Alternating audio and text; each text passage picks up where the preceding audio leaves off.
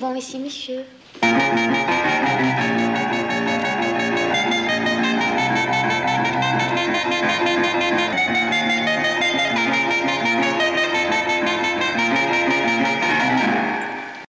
Alderantziz gatoz gaur.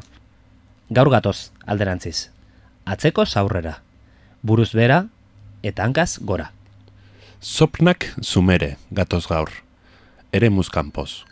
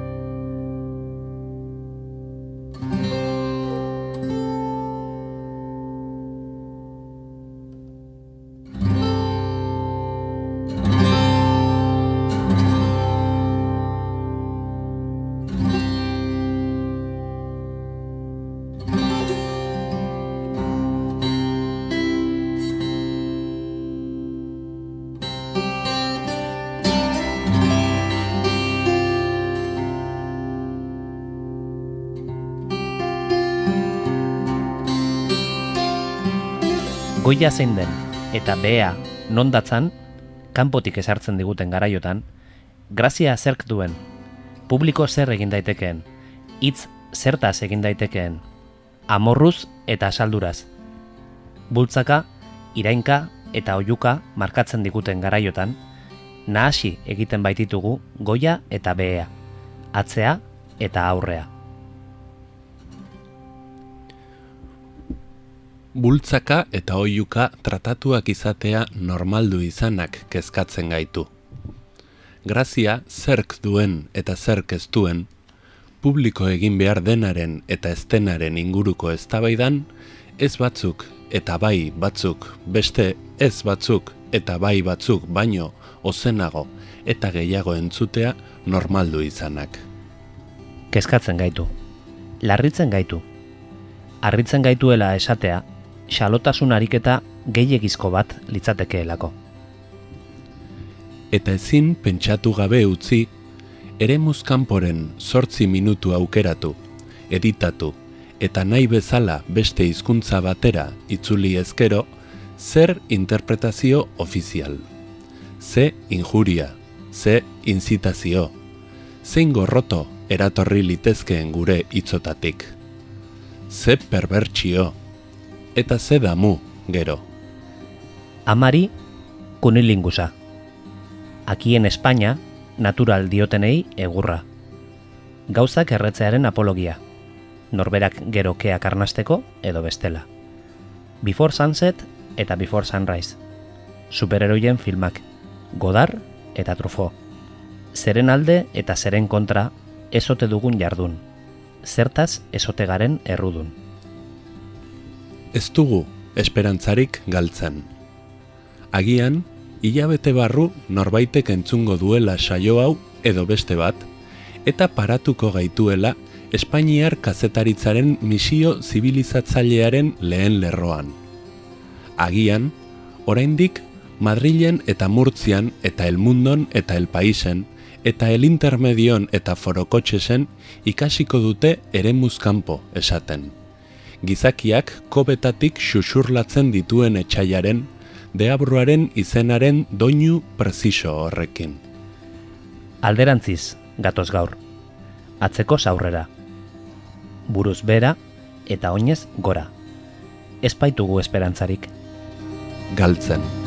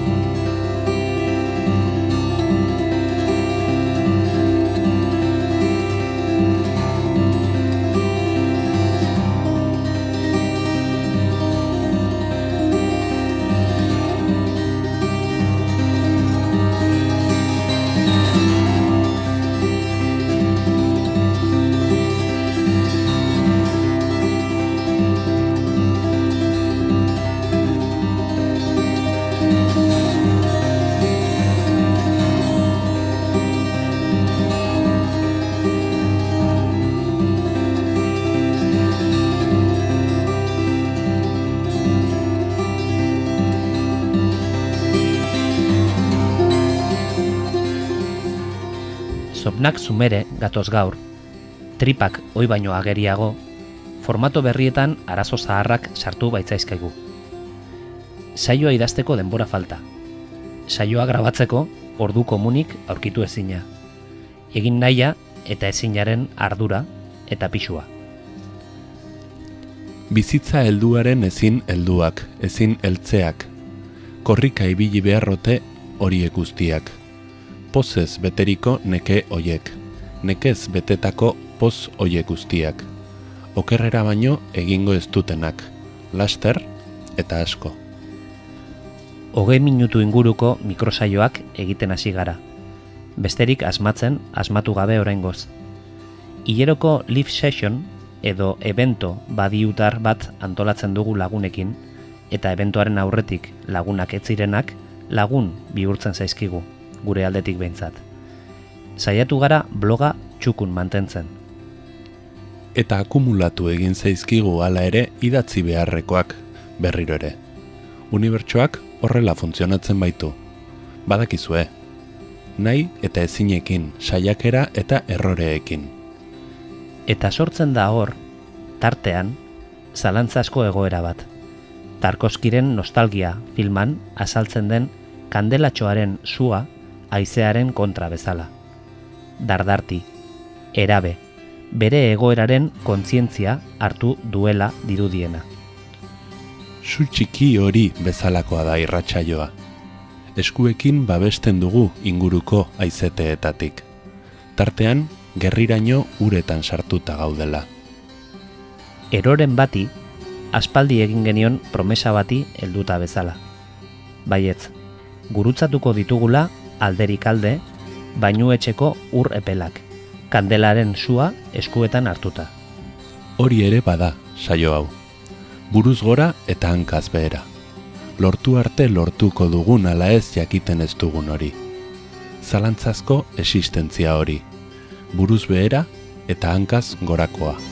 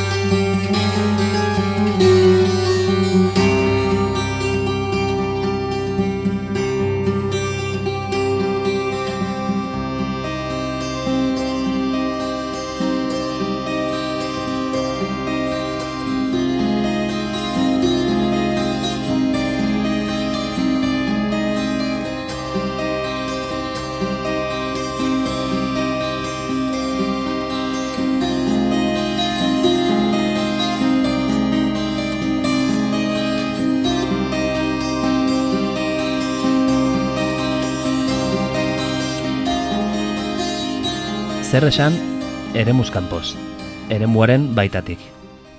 Zer esan mugaz bestaldeaz. Ere mura iritsitakoan nahi duguna eskatu alduzue, esan zigun estalkerrak. Egin nahi duzuena. Gelaska txiki hau, eremua, horretarako da. Sinetxi egin behar da, besterik ez. Besterik ez, ala bai. Ez kara zientziaz eta humanitatez eztabaidatzekoak. Ezkaitu nahi dugunak egiteak sekula beldurtu. Kalte handirik ez munduari guk. Elpaisek edo bestek edatu ezean. Baina ere, askotan egonda, eta inoiz ez, gelaska humil baina geure kontabilitatean ezin boteretsuago hau suntzitzekotan.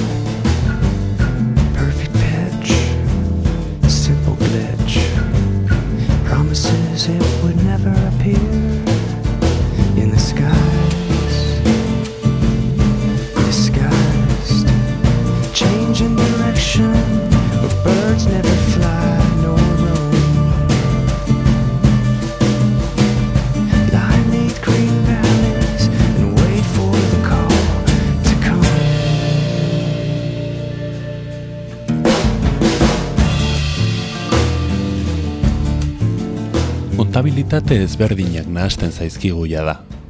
Baditugu, hogeita hamar ataleti gorako denboraldiak, eta beste batzuk labur-laburrak direnak. Egin ditugu ordubeteko saioak zuzenean, eta hogei minutukoak gero editatuta. Egin ditugu batzuk soinu garbiz, eta beste batzuk latorri soinuz. Egin ditugu etxean eta egin ditugu irratian. Idatzi ditugu elkarrekin eta banaka, harin eta astiro, patxadaz eta azken momentuan. Sentitu gara noiz edo noiz arroxamar, eta lotxatuta ere bai, inoiz edo sarri. Kalexikotarren soinuzko haize bat bezalakoa bihurtu zaigu agian saioa. Etorri eta badoana, joan eta badatorrena, hotz eta bero, luze eta labur, lehun eta zakar. Soinuzko haize bat, putz askok sortua, arnasetik ere baduena asko. Ez da gutxi.